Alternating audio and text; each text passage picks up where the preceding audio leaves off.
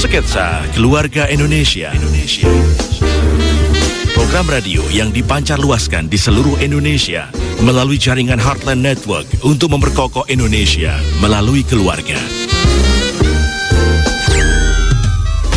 Tapi sebelumnya kami ingin menyapa seluruh pendengar yang merilai siaran di hari ini. Radio Respon 93,0 FM Padang, Radio Harmoni 97,0 FM Makassar, Radio Heartline 91,7 FM Lampung, Radio Heartline 100,6 FM Jakarta, Radio Heartline 92,2 FM Bali, Radio Heartline 94,4 FM Samarinda, Radio DKJ 103,4 FM Lubuk Linggau, Radio Shalom 90,2 FM Tobelo Halmahera, Radio CSW 89,40 FM Manado, Radio Gala 107,8 FM Banyuwangi, Radio Elisa 103,9 FM Salatiga, Radio Bonapit 90,1 FM Tarutung, Radio SGFM Blitar, Radio Suara Kasih 99,5 FM Tarakan, Radio Pemulihan Kasih 96,5 FM Bajawa Flores, Radio Rasinda Karanganyar Solo, dan Radio Shalom 107,7 FM Kediri Jawa Timur.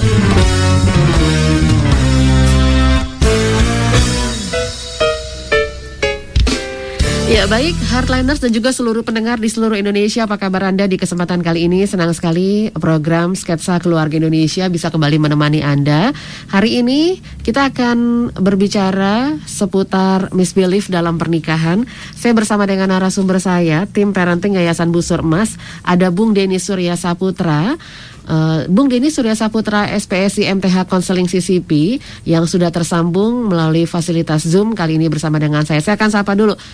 Mas Denny, apa kabar? Kabar baik, Karya. Uh, iya, hari ini sepertinya agak dalam nih ya, Mas Denny topik kita seputar misbelief Iya. dalam pernikahan. Baik, dan tentunya untuk Anda yang mau gabung bersama dengan kami, silahkan Anda nanti bisa sampaikan pertanyaan melalui WA ke nomor 0855 885 1006 atau boleh juga melalui rangkaian di telepon ya 0215919244. Oke, baik. Mas Denny langsung saja nih berbicara topik kita hari ini. Sebetulnya masalah yang terjadi dalam diri kita itu bisa terjadi karena ancaman yang seperti apa sebetulnya? Oke, eh, kalau kita perhatikan eh, ancaman yang terjadi itu eh, eh, segala sesuatu yang menakutkan, oke itu bisa menjadi ancaman buat kita gitu ya. Eh, kita bisa melihat hewan-hewan yang menakutkan gitu ya. Kita bisa melihat bencana yang menakutkan, it's okay itu menakutkan buat kita. Tetapi yang akan menjadi suatu masalah yang lebih besar ketika ancaman itu eh, ketika masalah itu timbul dari dalam diri kita sendiri ataupun dengan orang lain. Nah, Hmm. itu yang yang bisa menjadi masalah yang mengancam banget gitu ya. Bisa menjadi ancaman yang besar buat eh, seseorang itu ya. Hmm. Dan dalam kaitannya ini ini terkait dengan masalah misbelief gitu ya. Mhm.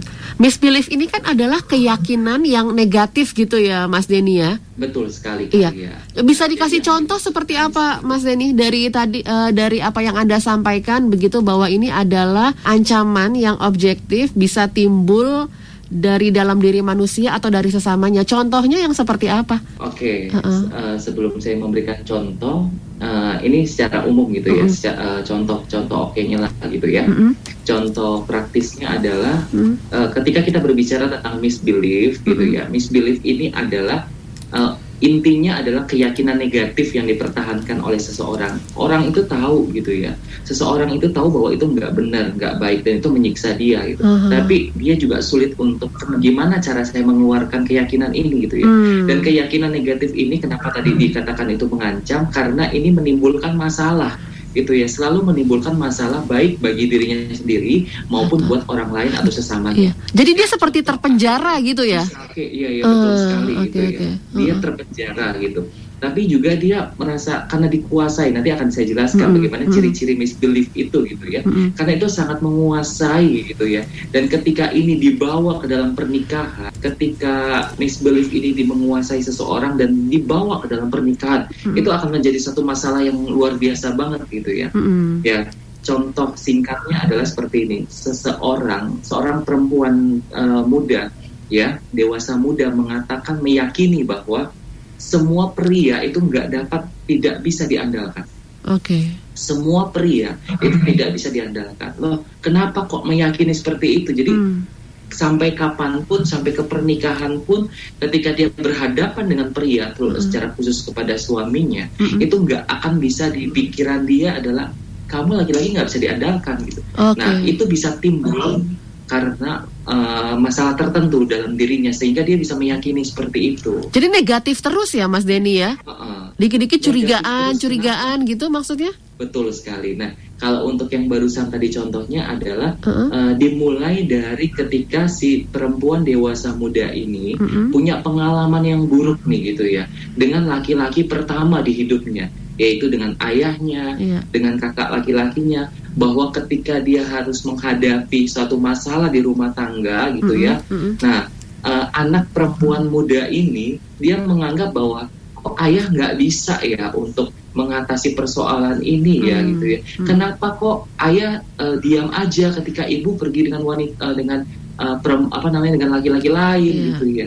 Lalu kenapa kok kakak laki-laki kok cuman cuek gitu? Hmm. Jadi siapa yang bisa aku andalkan di, di rumah ini? Laki-laki kok nggak ada yang bisa diandalkan? Hmm. Dan itu pengalaman trauma itu terbawa terus sampai kepada hubungan berpacaran, sampai kepada kepernikahan. Hmm. Jadi di dalam keyakinan seseorang itu, contoh pada pada contoh tadi, meyakini bahwa oh ternyata laki-laki itu nggak ada loh yang bisa diandalkan. Hmm. Dia tahu bahwa nggak semua laki-laki seperti itu, tapi kayak terpenjara dengan keyakinan itu gitu iya. ya. Karena keyakinan itu memang sudah dalam durasi yang cukup lama ya, Mas Denny, sehingga akhirnya memang itu udah udah benar-benar dia dia yakini gitu ya kayak orang beriman gitu udah udah yakin Sudah banget gitu seperti itu iya jadi memang tidak hanya faktor pengaruh Iya mengakar tidak hanya pengaruh dari ayahnya, tapi laki-laki yang juga ada di sekelilingnya dia ini contoh dari dewas uh, wanita dewasa muda ta, wanita dewasa tadi itu ya. Oke. Okay. Iya betul sekali. Iya jadi kemudian contoh nyata apa lagi nih sebetulnya yang bisa kita uh, yang bisa anda jelaskan? Berarti ini berpengaruh juga terhadap pola iya. asuh ya, pola asuh. Kalau tadi kan pola asuh dari ibu gitu. Banyak banyak hal yang bisa menyebab menyebabkan uh-uh. terjadinya misbelief pada diri seseorang itu ya. Ya, ya pokoknya intinya misbelief itu memang seperti itu ya tadi ya. Uh-huh. Keyakinan negatif yang dipertahankan oleh seseorang gitu yang ada dalam diri seseorang yang pastinya membuat orang itu bermasalah dengan orang lain atau ses, uh, atau sesamanya gitu ya. Pasti menimbulkan masalah, masalah. gitu ya. Nah, Jadi kita juga nggak nyaman dekat dia ya Mas Denny. Iya, pasti nggak uh, nyaman banget buat uh, orang yang mengalaminya tapi kadang-kala itu nggak disadari ya okay. sayangnya sekali itu kadang-kadang nggak disadari sampai dibawa kepada pernikahan dan bisa ujung-ujungnya gitu ya uh -uh. ada beberapa kasus kepada perceraian uh ada beberapa kasus yang merasa kenapa kok istri saya begini kenapa suami saya begini lebih dari berapa belas tahun pernikahan sampai kadang-kadang itu menjadi suatu misteri dan uh dan diketahui setelah proses konseling gitu ya dan dalam konseling juga nggak mudah untuk seorang konselor untuk mengerti hmm. akar uh, akar misbeliefnya itu ada di mana ya. Hmm. Nah itu benar-benar perlu kejelian banget untuk bisa mengerti jalan hidup seseorang. Gitu. Iya. Apalagi kalau dia juga nggak jujur ya. Nah, uh, uh-huh. dan itu benar-benar uh, akan sangat lebih baik ketika sebelum menikah sih gitu ya hmm. untuk diketahui dan dijujuri gitu ya di disampaikan secara jujur gitu. Hmm. Tapi kadang-kadang nggak semua orang juga paham dengan kondisi misbelief yang ada di dalam dirinya itu. Iya, oke. Okay. Nah, jadi faktor-faktor apa saja sebetulnya yang mempengaruhi misbelief? Uh, yang pertama faktor-faktornya uh, pengaruh, pengaruh lingkungan pertama ya keluarga hmm. ya itu ya. Hmm. Ya ada didikan-didikan yang keliru dari orang tua. Contoh, hmm. ketika orang tua mengalami masalah perselingkuhan terutama biasanya ini pada kasus-kasus perempuan gitu ya. Hmm. ketika merasa stres depresi bahwa kenapa ya saya kok sulit untuk mempercayai laki-laki ya gitu ya. Kenapa semua laki-laki kok di mata saya kok nggak ada yang benar gitu ya. Oh ternyata ada pengalaman-pengalaman didikan-didikan di yang yang di uh, internalisasikan yang hmm. dimasukin ke dalam dirinya secara negatif, secara keliru oleh orang tua bahwa lihat itu laki-laki, lihat itu bapakmu seperti itu nggak ada tanggung jawabnya. Nah, contoh seperti itu. Dan itu menjadi satu pengalaman yang traumatik tentunya gitu ya, yang dia bawa, dia bawa, dia yakini terus. Nanti akan saya bahas contohnya hmm. tanya gitu ya secara detailnya. Okay. Ya, itu pengaruh didikan yang keliru gitu ya terus ada pengalaman traumatik juga, pengalaman-pengalaman negatif dengan ayah atau ibu gitu ya, pengalaman luka batin dengan seseorang pun juga bisa menimbulkan Mm-mm. uh, masalah-masalah misbelief ini. Iya. ya. Itu berarti trauma itu nggak kelar ya, belum selesai sehingga memang akhirnya itu masih terus ada gitu ya Mas Denny ya. Betul Makanya kenapa ketika kita mengalami trauma tuh harus eh, betul-betul kalau kita nggak bisa selesaikan datang ke ahlinya ya supaya nggak lama gitu jatuhnya. Iya, Mhm. tapi nggak semua orang gitu ya Iya, bersedia untuk iya dikonseling. Uh-uh. Bisa semua dikonseling gitu, Uh-uh. tapi ternyata kebutuhan untuk kesadaran akan kebutuhan konseling ya memang perlu dikembangkan gitu ya. Betul. Karena dia merasa nggak sakit nih, saya nggak apa-apa gitu ya Hmm. Mas Denny. Heeh. Oke, tadi Anda mengatakan contoh-contohnya seperti apa contoh eh, dari Oke. misbelief ini? Nah, ini akan lebih lebih jelas ya Hmm. ketika saya akan menyampaikan secara gamblang gitu ya, Hmm. secara ringkas. Saya akan bagikan eh, mengingat waktu. Mm-mm. Nanti eh, semoga bisa eh, saya bagikan dua sampai tiga kasus nyata gitu ya yang saya hadapi Hmm. gitu ya. Nah, yang pertama kita akan bahas mengenai eh, sebutlah dia namanya nama samaran ya, Hmm. Ranti dan Tono gitu ya. Nah, kita akan melihat bagaimana kondisi misbelief ada dalam pernikahan mereka gitu. Oke. Nah, si Ranti ini punya pengalaman dengan ibunya bahwa ibunya pernah mengalami pengkhianatan Oke. karena ayahnya pernah mengkhianati ibunya, ya, karena ada perselingkuhan dengan Hmm. wanita lain. Lalu eh, si ibu menanamkan suatu eh, keyakinan dalam diri si Ranti, anak perempuannya bahwa eh, mohon maaf ini agak agak kasar gitu ya, tetapi Tapi ini yang kejadian ya. ini ya ini yang kejadian Hmm. bahwa lelaki itu tidak dapat dipercaya semua lelaki seperti anjing Hmm. katanya gitu ya nah walaupun di rumah ada makanan ia ia akan juga jajan di luar gitu ya Ah. sebab itu seorang istri harus menjaga ketat suaminya Waduh. nah harus menjaga ketat suaminya 24 jam berarti. Hmm. Nah, mulai dari titik di mana orang tuanya, ibunya menyampaikan seperti itu, dia eh, menyerap dan meyakini sekali ajaran ibunya Hmm. seperti itu. Mm-mm.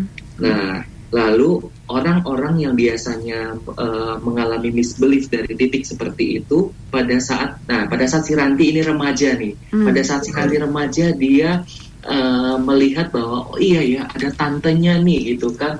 Wah suami tantenya juga seperti itu. Oh Hmm. berarti benar ya laki-laki itu seperti itu. Wah saya melihat di televisi, wah ada cerita bahwa eh, laki-laki itu eh, apa namanya walaupun sudah punya istri tapi menyeleweng gitu ya. Hmm. Wah itu benar tuh apa yang dikatakan ibu gitu ya. Hmm. Seperti kayak meyakinkan eh, mendapatkan suatu pengalaman peneguhan gitu ya dari pengalaman-pengalaman di lingkungannya gitu. Iya, Dan iya. Eh, pada akhirnya itu semua memberikan eh, hal-hal yang meyakinkan misbeliefnya gitu ya. Istilahnya afirmasi ya Mas Denny, istilahnya. Betul sekali. Jadi dia benar-benar diafirmasi dari pengalaman-pengalaman yang dia dia hadepin gitu di lingkungannya yang dia yang dia lihat dan dia begitu meyakini sekali Hmm. sampai pada akhirnya eh, Ranti menikah dengan suaminya si Tono ini Oke. gitu ya. Nah ternyata eh, kedua kedua eh, pasangan ini pasangan suami istri ini Mm-mm. si istri maupun si suami punya misbelief yang tidak disadari gitu ya. Oh. Dan misbelief ini sangat-sangat bertolak belakang dan ini sangat-sangat membawa toxic gitu ya. Mhm. Uh, toxic relationship Iya. gitu ya. Membawa uh, racun-racun yang mengganggu pernikahan mereka gitu. Jadi hubungan mereka toksik yang walau uh, walaupun awalnya karena cinta, tapi karena mereka bawa misbelief masing-masing, itu jadi toksik ya.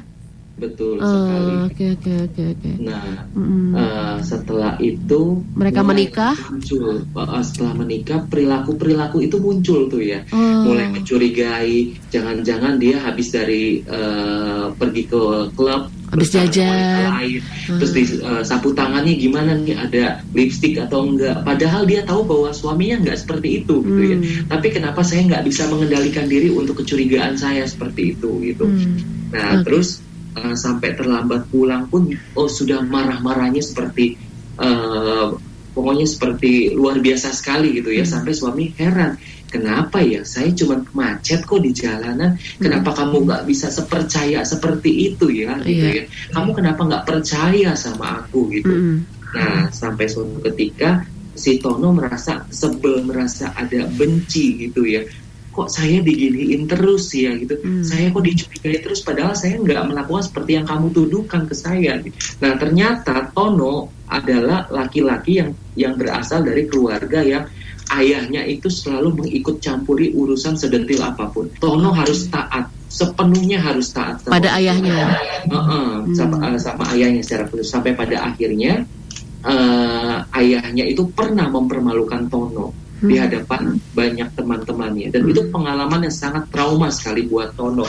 Sampai pada akhirnya Tono uh, mulai meyakini nah di situlah mulai misbeliefnya Tono bahwa laki-laki yang gentleman laki-laki yang hebat laki-laki yang kuat adalah laki-laki yang tidak dikendalikan oleh siapa pun Nah, saat itu dia sedang dikendalikan istrinya nih. Betul sekali. Hmm. Nah di situlah letak misbelief mereka bertemu gitu ya. Hmm. Misbelief yang bertemu yang tidak terselesaikan, yang tidak disaja tidak disadari sejak Iya. lama, ah, itu ketemu di suatu pernikahan dan itu belum terselesaikan dari sejak dulu dan ini yang bahayanya karya. Jadi masing-masing bawa masalah nih ya. gitu bawa masalah untuk eh, pernikahan mereka karena nggak selesai. Berarti memang eh, misbelief itu terjadi ketika eh, ada dua kasus, dua masa, dua atau lebih gitu ya, yang itu akhirnya diafirmasi gitu dan itu menjadi semacam keyakinan ya. Jadi ti- tidak hanya masalah cuma satu aja gitu dalam rumah, tapi dia melihat kayak tadi kan contohnya si Ranti, tantenya ternyata digituin juga Betul. gitu. Jadi dia melihat ada di TV juga dilihat seperti itu gitu karena memang ada beberapa yang akhirnya diafirmasi dia gitu ya. Oke, lalu apa yang terjadi? Akhirnya beran bener-bener toksik lah ya. Uh-uh. Dan yang terjadi selanjutnya adalah Tono merasa merasa nggak apa namanya aktif tuh ya misbeliefnya bahwa kenapa kok aku dikendalikan seperti Hmm. ini gitu ya Mm-mm. tanpa dia sadari dia benci ketika dia dike- di- dikendalikan Mm-mm. karena tanpa disadari dia punya pengalaman yang negatif kan bersama dengan ayahnya, Ayahnya. bahwa saya nggak mau dikendalikan gitu ya. Ya Hmm. sementara dia memang cinta murni sama Ranti istrinya, mereka saling mencintai. Tapi ketika misbelief mereka bertemu muncul timbul emosi-emosi negatif seperti dendam sama Hmm. istri, benci gitu ya, karena dicurigai terus menerus gitu ya, Hmm. sampai sampai si istrinya ini harus pergi uh, ke kantornya gitu ya. Padahal dia tahu itu sangat sangat memalukan Hmm, gitu hmm, ya. Pengen makan siang ya apa namanya uh, alasannya, tapi ternyata hanya untuk memergoki apa jangan-jangan dia sama wanita lain nih Iya. gitu ya. Nah seperti itu terus menerus gitu ya. Dan sampai pada akhirnya Mm-mm. uh, suaminya merasa oke kalau kamu begitu terus aku akan buktikan bahwa aku bisa pergi ke wanita uh, ke WTS gitu ya. Oh.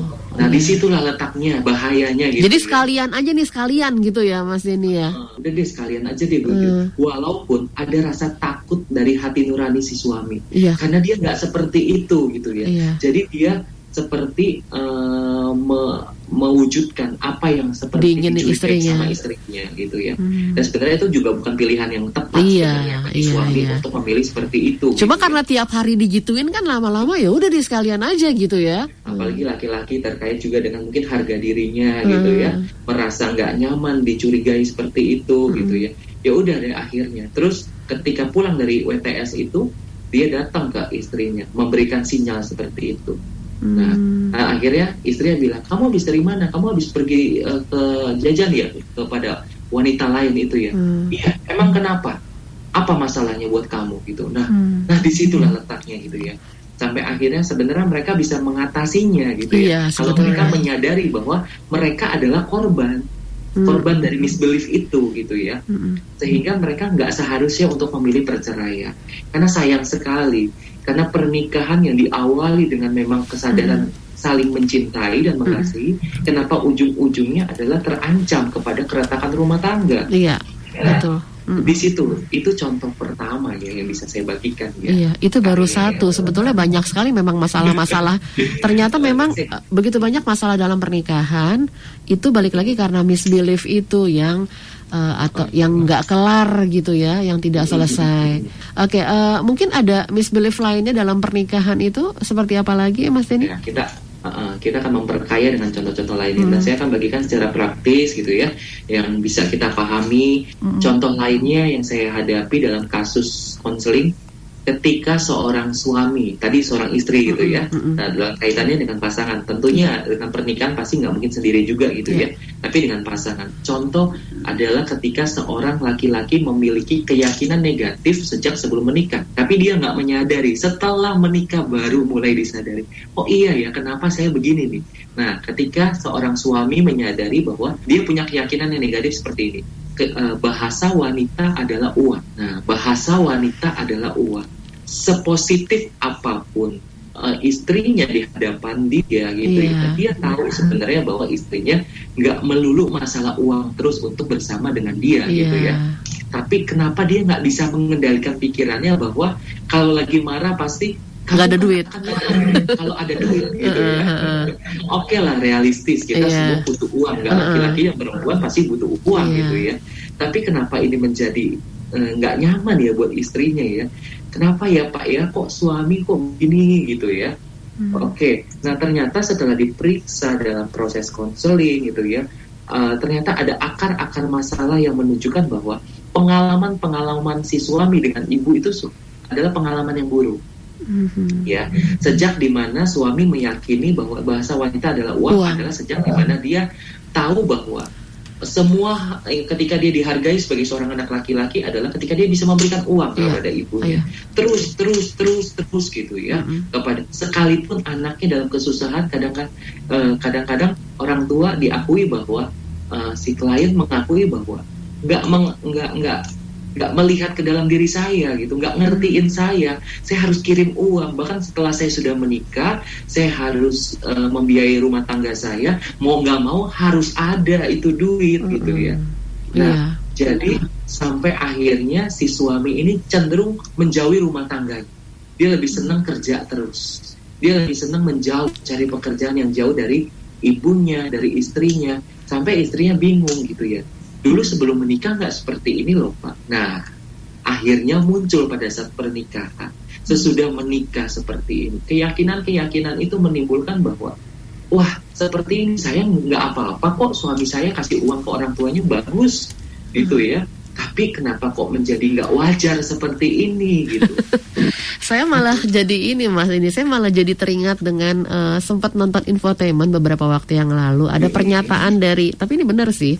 Nggak apa-apa kalau nanti kalau nanti dikonfirmasi juga nggak apa-apa. Waktu itu ada pernyataan dari Bung Hotman Paris Hutapea gini eh cinta itu dari perasaan tapi meliharanya pakai uang Iya iya iya. Oke. Itu itu sedikit aja gitu. Karena ternyata meliharanya harus pakai duit gitu. Jadi harus ada duit duit duit untuk bisa terus terpelihara. Kalau duitnya udah nggak ada nggak bisa terpelihara lagi gitu. Iya Iya, iya. itu itu itu realistis gitu ya. Uh, uh. dalam kehidupan siapa sih yang nggak butuh kesejahteraan Uh, gitu ya dalam pernikahan iya, gitu yang butuh uh. uang. Tapi ketika disertai dengan misbelief ini Uh, uh, itu betul. yang menjadi tidak wajar iya gitu ya benar Kenapa kok bisa menghindari saya? Emang saya salah apa ya sebagai istri? Saya dukung-dukung aja. Saya saya malah bantuin mendukung nggak apa-apa. Kamu kasih ke ibu kamu gitu ya. Hmm. Tapi kok menjadi nggak wajar ketika ibu eh, apa ibu mertua merasa nggak nggak mau nggak Iya. mau ngerti gitu ya ketika anak laki-lakinya sedang bersusah payah nih gitu ya Mm-mm. sedang membutuhkan prioritas gitu oke nggak apa-apa gitu ya memberikan rutinitas itu sangat didukung oleh istri. Hmm. tapi ketika istri melihat ada sesuatu yang janggal gitu ya kenapa kok saya jadi ikut-ikut disalahin? Iya. kok saya dianggap seperti eh, semua perempuan itu sama gitu? Wah kamu mah pasti ada uang. Enggak enggak seperti itu wah itu jadi keributan gitu ya jadi mereka meyakini bahwa eh, tidak ada cinta yang tulus tuh nggak ada ya Hmm, Hmm. bagi si laki-laki Bagi gitu si ya, laki-laki itu nggak ada. pengalaman negatif tentang Iya. wanita dan uang, uang gitu ya. ya oke kemudian mas ini iya Oke, Cukup menarik ya kalau kita bahas-bahas seperti ini gitu ya. Dan yang yang contoh yang terakhir Hmm. adalah ketika kenapa seorang uh, istri bisa memutuskan untuk yakin banget bahwa aku uh, nyaman dengan perselingkuhanku. Wah, itu itu sangat-sangat kenapa gitu ya. Nah, ada misbelief di mana iya dia dia dapetin yang dia yakini gitu dalam kehidupan dia bahwa ternyata dia adalah seorang anak yatim piatu gitu ya dari sejak kecil gitu ya dia nggak tahu siapa ayahnya siapa ibunya Hmm. gitu ya dan ketika dia diangkat oleh seorang ayah angkatnya gitu ya bahwa ternyata so uh, dia mencukup cukup ada kasih sayang gitu. Tapi dalam perjalanan waktu kehidupannya dia di uh, dia di apa namanya disia-siakan gitu ya. Dan ayah kan ayah angkatnya mm-hmm. itu tidak lagi mau bertanggung jawab gitu ya. Oh, karena istrinya sudah tidak mau terima. Jadi seolah-olah kok kayak dibuang gitu ya. Dia nggak tahu terhadap laki-laki ayah kandungnya ayah uh, ayah angkatnya juga udah tidak bertanggung jawab lagi sementara dia pengen butuh kasih sayang sebagai seorang anak perempuan saya butuh kasih sayang dari seorang laki-laki gitu ya. Kok kenapa nggak ada yang mau tanggung jawab sama saya? Kok nggak kenapa nggak ada laki-laki yang mau ber, mempertanggungjawabkan uh, memberikan kasih sayangnya buat saya gitu ya, memberikan perhatiannya. Dan kasih sayang yang nggak cukup yang nggak pernah dia dapetin, yang menjadi satu ambisi dalam kehidupannya dari sejak kecil ketika dia yatim piatu sampai dia dewasa menikah, dia nggak bisa lihat bahwa suaminya uh, iya. seperti itu gitu ya, seperti yang diharapkan. Jadi timbul misbelief seperti ini. Oh iya, oke okay, itu suami contoh, yang namanya suami, yang namanya laki-laki itu harus gesit, harus menghasilkan banyak uang karena dia ditinggalkan begitu saja, hmm. dia harus mandiri, kerja, cari uang sendiri gitu ya, dan dia butuh uh, sosok laki-laki yang bisa ngomongin saya loh gitu. Hmm. Yang namanya perempuan, oke okay, mandiri, tapi saat-saat tertentu saya juga butuh diemong oh, gitu iya. ya. Saya butuh Betul. diperhatikan, saya butuh di, uh, disupport gitu. Tapi kenapa kok uh, saya sampai saat ini saya menikah saya nggak bisa melihat itu gitu. Hmm. Dan ketika ada laki-laki lain gitu ya yang bisa walaupun uh, nggak uh, lebih oke okay lah lebih tampan suaminya gitu ya. Hmm. Kok kenapa lebih memilih selingkuh dengan pria yang kelihatannya biasa-biasa aja, hmm. bahkan lebih tua gitu ya. Kenapa? Karena ada kasih sayang, yeah. emosi, positif yang sebenarnya selama ini yang dia ambisikan nggak pernah didapetin tuh gitu ya. Dapat dari orang lain. dan lebih gesit gitu ya. Mm -hmm. jadi keyakinannya bahwa adalah laki-laki tuh harus gesit, gesit. harus menghasilkan uang gitu ya laki-laki yang saya hadapin di rumah saya setiap hari-hari kok gini ya hmm, pak hmm. kok begini ya jadi disalahin terus nggak ada nggak ada nilai positifnya buat si hmm. suaminya gitu padahal kenyataannya bukan masalah kepada suaminya suaminya terus berjuang gitu yeah. ya tapi ternyata lebih dari itu pengalaman traumatiknya gitu ya terhadap hmm. laki-laki hmm. yang menyebabkan dia ada misbelief seperti itu hmm. Iya, ironis juga sih memang ya kalau memang itu terjadi dalam uh, rumah tangga gitu. Ya, balik lagi sih memang makanya kenapa perlu pra konseling segala macam ya, Mas Denny ya. Dan itu enggak tidak cuma sekedar pra konseling aja, tapi memang betul-betul dikasih apa ya? Kadang-kadang kan memang kita di pra konseling itu ada beberapa tempat yang memang sekedar teori gitu, nggak dikasih contoh-contoh nyatanya gitu.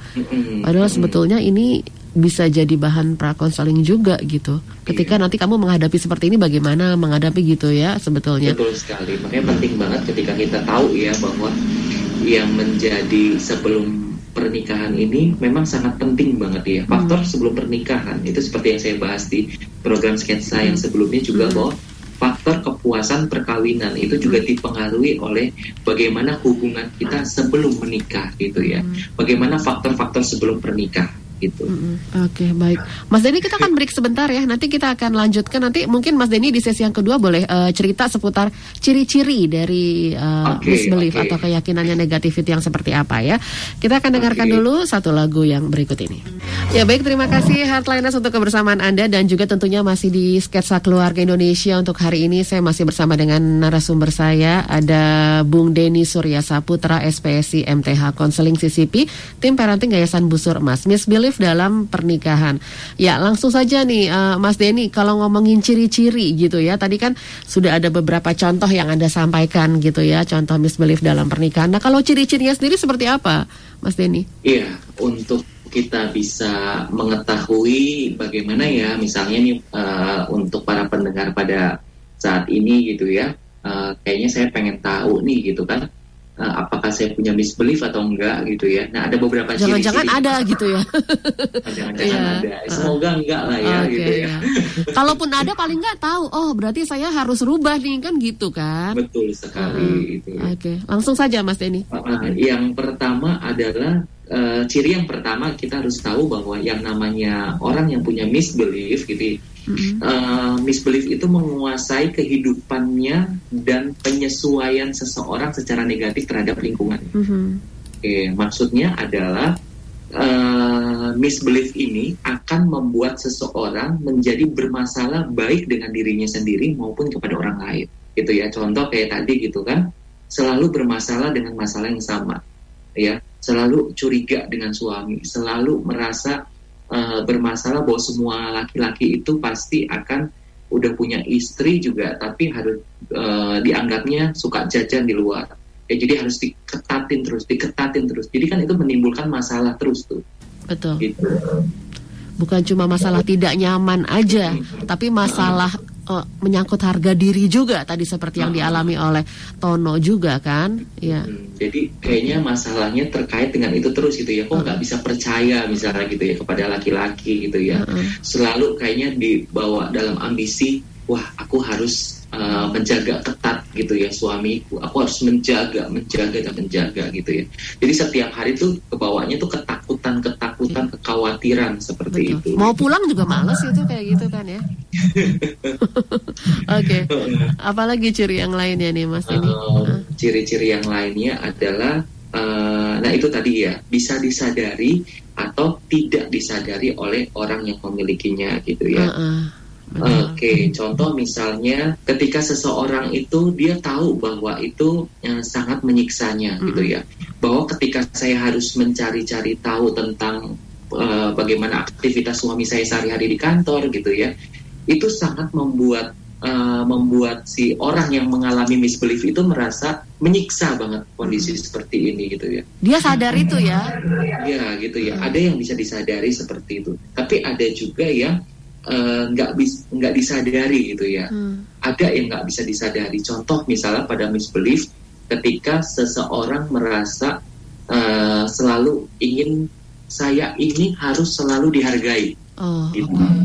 sedikit aja nggak dihargai di kantornya mm -hmm. itu jadi satu bencana yang besar dalam hidupnya oh sedikit aja sedikit gitu ya. aja. ya sedikit aja gitu nggak dihargai gitu mm -hmm. ya cuma bercandaan doang mm -hmm. gitu ya itu akan menjadi suatu masalah yang besar bahwa aku ini bukan orang lagi, aku ini bukan manusia lagi gitu. Kalau aku tidak dihargai seperti itu. Berarti nggak gitu. berarti nggak bisa diajak bercanda emang nih. Uh, hmm. Dan dan itu kadang-kadang nggak disadari gitu ya, hmm. bahwa saya harus selalu tampil oke okay, gitu ya gitu. Okay. Jadi kalau misalnya kalau kita lihat film Joker gitu ya, uh, uh, uh. yang dulu bahwa saya ini harus selalu tampil bahagia Hmm. gitu saya harus tampil bahagia gitu contoh doang ini ya hmm. uh, sepertinya saya nggak menganggap bahwa itu adalah misbelief gitu ya hmm. mungkin mungkin mirip gitu seperti itu ya gitu tapi hmm. contoh seperti itu kelihatan ada yang seperti itu bahwa saya harus selalu tampil bahagia ya maka dari itu saya uh, di film itu dikatakan misalnya I uh, what's your name? gitu. My name is happy gitu ya. Uh -uh. dan dia selalu ketika dia merasa sedih si Joker gitu ya merasa sakit gitu merasa kecewa wah hahaha uh. gitu ya. Jadi dia memaksakan diri bahwa untuk happy. bahagia, untuk gitu. happy. Nah, oh. itu contoh maksudnya mirip-mirip seperti itulah gitu ya. Uh -huh. yang kadang-kadang tidak disadari gitu. Termasuk juga orang yang pengen kelihatan sempurna ya Bung Denny. Apakah masuk di situ juga? Pengen segala sesuatu sempurna? Kayak umpamanya nih ada bos yang sampai akhirnya hal-hal sekecil apa pun dia turun tangan. Jadi kesannya buat apa ada anak buah gitu. Anak buah jadi nggak bisa berkreasi anak buahnya nggak bisa uh, maksimal karena ya itu sampai hal yang kecil pun gitu bosnya nggak percaya gitu Apakah itu nah, masuk tapi, dalam contoh itu? Nah, tapi kalau seperti itu, kalau terlalu perfect, kita lihat dulu apakah ada satu keyakinan yang dibalik perfeksionisnya itu, oh, iya, iya. atau iya. memang dia punya temperamen seperti itu. Iya iya betul betul. Ya maksudnya bukan temperamen, karakter gitu ya. karakter, ya. Apakah iya. karakternya memang seperti itu perfeksionis? Kita harus okay. lihat dulu kita periksa dulu bahwa apakah memang ketika dia perfeksionis itu adalah dia meyakini ada satu keyakinan dalam hidupnya dari sejak kecil bahwa kalau tidak perfeksionis itu tidak akan menimbulkan prestasi misalnya seperti itu. Karena kan itu bisa Jadi, karena kan itu bisa kebawa ke rumah juga kan, bisa kebawa dalam oh, hubungan pernikahan bisa, gitu. Ada yang sampai kadang-kadang pasangan merasa kayaknya sudah oke okay banget gitu ya. Kenapa hmm. ya seperti ini gitu ya? Hmm. Oh kayak ada yang aneh ya dengan pasangan saya. Perfeksionis sih oke, okay, no hmm. problem gitu ya, nggak masalah gitu. Iya. Tapi ternyata kenapa ya dengan dengan pasangan saya kok sampai selalu seperti ini gitu ya. Hmm. atau ada juga yang terkait bukan misbelief itu gangguan misalnya gitu ya. Ada gangguan-gangguan kejiwaan misalnya obsesif kompulsif gitu ya. Yang di mana segala sesuatu harus rapi tersusun terus hmm. gitu. Udah rapi balik lagi merasa gagal berulang-ulang kali berulang kali. Kayak cuci hmm. tangan terus-terusan gitu ya. Padahal udah bersih gitu. Karena nggak yakin ya dengan apa yang dikerjakan sebelumnya gitu. Oke, jadi misbelief ini memang uh, akan menyebabkan distorsi ataupun juga gangguan dalam persepsi orang itu ya, Mas Denny okay. kalau lihat dari ciri selanjutnya. Gimana uh, Mas Denny penjelasannya sekali. bagaimana? Uh, uh, maksudnya adalah kalau uh, orang yang punya misbelief itu pasti ada gangguan dalam persepsinya, ada hmm. pemikirannya gitu ya. Jadi susah untuk jadi realistis. Susah banget jadi yang dia pikirkan adalah sesuai dengan apa yang dia pikirkan, oh. gitu ya. Jadi misalnya suami pulang telat, wah curiganya berlebihan gitu ya. Dia nggak bisa terima tuh kalau misalnya kenyataannya adalah uh, apa namanya macet gitu ya. Mm. Walaupun mungkin dia tahu sadar bahwa suaminya macet mm. di di apa namanya di perjalanan mm. gitu ya.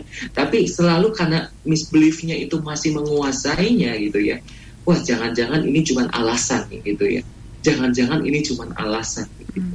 Nah itu jadi ada kecurigaan yang berlebihan, menjadi sangat marah, menjadi apa banting-banting barang, iya. ada yang seperti itu gitu ya.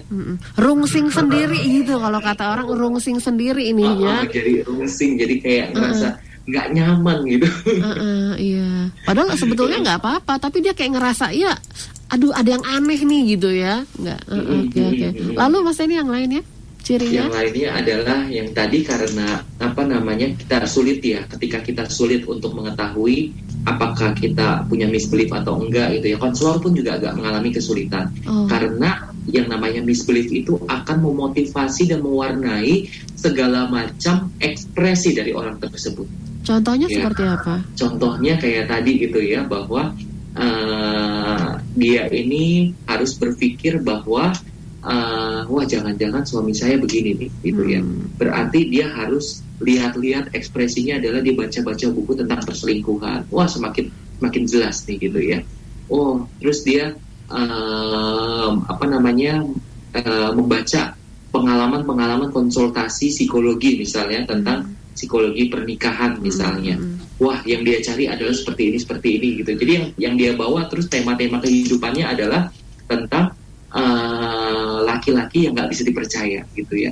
Oh ini benar nih. Oh itu filmnya tuh kayak begini nih. Itu film tuh uh, film-filmnya itu membuat dia menjadi yakin misalnya gitu. Mm -hmm. Oh pantesan nih gitu ya.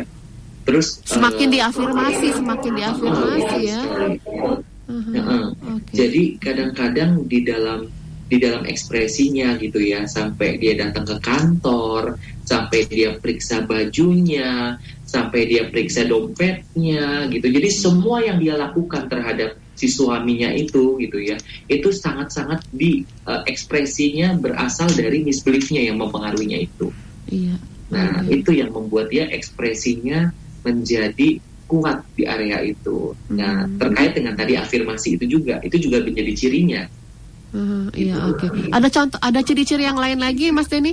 Hmm. Nah, tadi gitu ya, ketika dia bergabung dengan teman-teman lainnya yang punya masalah yang sama, uh -uh. ketika dia melihat sinetron dengan masalah yang, yang sama. sama seperti dia gitu ya, ketika dia melihat pengalaman saudara-saudaranya yang mirip juga. Oh iya, laki-laki tuh begitu ya, suka jajan di luar ya. Oh laki-laki tuh begitu ya suka apa namanya uh, berbohong ya oh pantesan aja ibu bilang ke saya bahwa laki-laki itu harus dijaga dengan ketat gitu nah itu menjadi suatu afirmasi itu yang kuat yeah. gitu ya nah ini cirinya ini ini ciri juga cenderung diafirmasi cenderung diperkuat cenderung diiakan gitu ya berdasarkan pengalaman yang mirip gitu mm. Jadi dia akan cari berarti berarti bisa dibilang dia akan cari teman-teman atau kelompok yang punya masalah yang sama dengan dia ya. Nah, itu. Hmm. Jadi kayak malah menambah menyiksa dia gitu ya kalau dia, dia menyelesaikan masalah misbeliefnya itu. Gitu. Mm -mm. Harusnya kan justru dia jangan ke arah sana, jangan cari teman-teman yang seperti itu. Ini malah dia merasa lebih nyaman Betul. di situ ya. Oke, lalu Mas mm -hmm. Denny ada ciri yang lainnya lagi, Mas? Uh, ciri yang lainnya adalah ketika uh, misbelief ini ada dalam diri seseorang, ini uh, punya sifat uh, self fulfilling gitu ya. Apa itu self fulfilling? Apa tuh self fulfilling? Uh. Itu seperti kayak menubuatkan sesuatu dan itu langsung uh, menggenapi, sorry, menggenapi sesuatu gitu ya. Jadi berusaha diwujudkan gitu ya. Berusaha dia sendiri yang mewujudkannya gitu ya. Jadi uh, ketika si apa namanya si suaminya ini dicurigai terus gitu ya. Mm -hmm. Jadi dia ketika dia curiga, ketika dia mengusahakan menimbulkan bukti-bukti uh, perselingkuhan suami gitu, padahal suami nggak selingkuh gitu ya. Mm. Jadi akhirnya dia yang mewujud nyatakan sendiri gitu. Waduh. Dia yang mengumpulkan bukti-bukti itu sendiri sampai akhirnya perselingkuhan itu kepada terjadi. wanita uh, WTS tadi terjadi, terjadi gitu ya. Iya. Nah itu tanpa disadari akan menyakitkan banget dalam pernikahan. Rasanya uh, sakit ketika dia menyadari bahwa ternyata saya sendiri ya yang menyebabkannya gitu ya dan dia akhirnya bisa menjadi depresi, stres, menyalahkan uh, masalah orang tuanya dulu. Hmm. Kenapa ibu begitu sama saya gitu? Kenapa enggak orang tua saya menyelamatkan pernikahan saya hmm. gitu? Kenapa saya diberikan ne keyakinan negatif ini? Kenapa kok saya percaya gitu ya? Hmm. Akhirnya dia menyalahkan dirinya sendiri, menyalahkan diri orang lain. Itu bisa depresi banget buat perempuan. Hmm. Dan berapa banyak perempuan-perempuan yang seperti itu menjadi menjadi uh, masalah gangguan kejiwaan gitu ya? Dan hmm. itu sangat-sangat sebenarnya bisa diatasi gitu ya.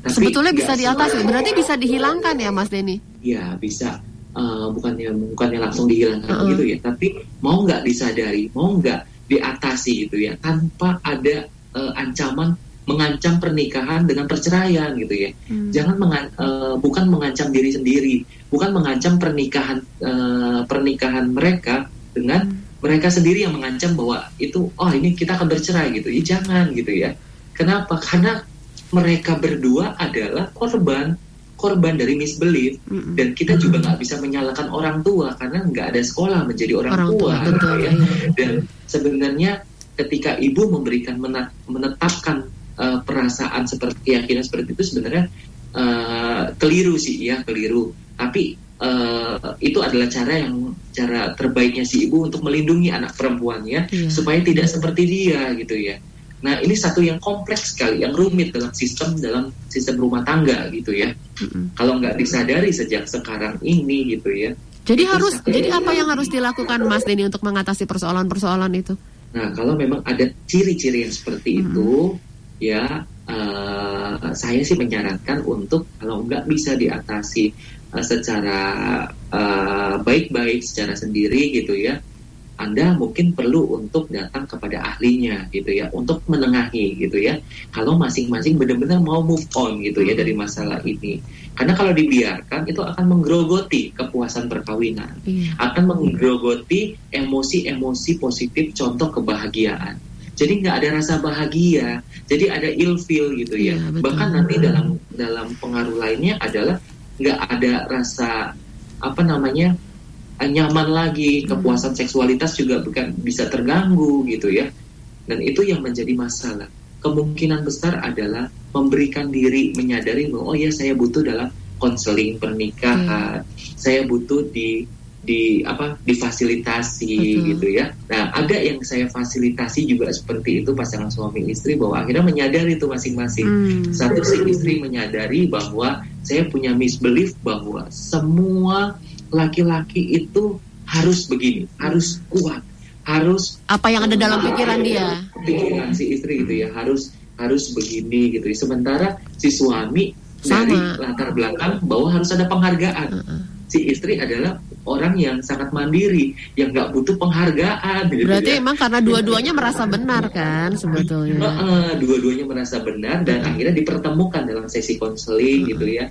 Oh iya ya, saya baru tahu Pak bahwa dalam proses konseling oh seperti ini ya dibuka secara mendalam di hadapan kami berdua dan akhirnya saya tahu nih istri saya begini. Selama saya menikah belasan tahun kok saya nggak ngerti ya pak gitu. Sementara istri oh iya ya saya tahu ternyata bahasanya suami saya adalah seperti ini gitu ya.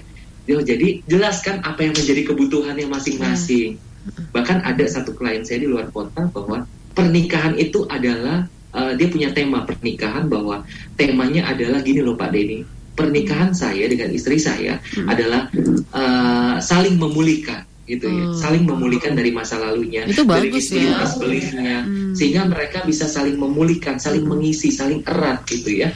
Berarti Mas Denny, berarti sebetulnya kalau ada masalah seperti ini, taruhlah kalau hmm. mereka tidak ke pemuka agama, mereka tidak ke konselor, sebetulnya dengan mereka ngobrol duduk berdua juga sebetulnya bisa kelar sih sebetulnya ya saling mereka saling saling open Bener, gitu, gitu ya. jujur ya. dua-duanya gitu ya betul open dengar jujur uh -uh. komunikasi terbuka gitu yeah. ya dua arah gitu uh -uh. nggak menginterupsi gitu ya udah biarin kamu cerita dulu silakan yeah. nah sekarang ketika kamu sudah selesai cerita uh, kita gantian. aku menanggapinya uh. boleh nggak aku gantian yeah. gitu ya nah itu bisa tuh kayak gitu ya. bisa. ya uh, uh, praktis tapi juga tadi tapi kan itu harus disadari memang ya betul uh, uh. tadi dan, Karya juga mengatakan bahwa memang betul ketika ini sudah mengakar dan sulit perlu juga ke datang ke pemuka agama uh, gitu ya uh, uh. karena ini berkaitan dengan keyakinan gitu ya yeah keyakinan negatif gitu ya kalau sudah mengakar itu penting banget juga untuk iya. kita ke pemuka agama. Oke baik Mas Denny kita harus akhiri mungkin sebagai kesimpulan dari anda silahkan dari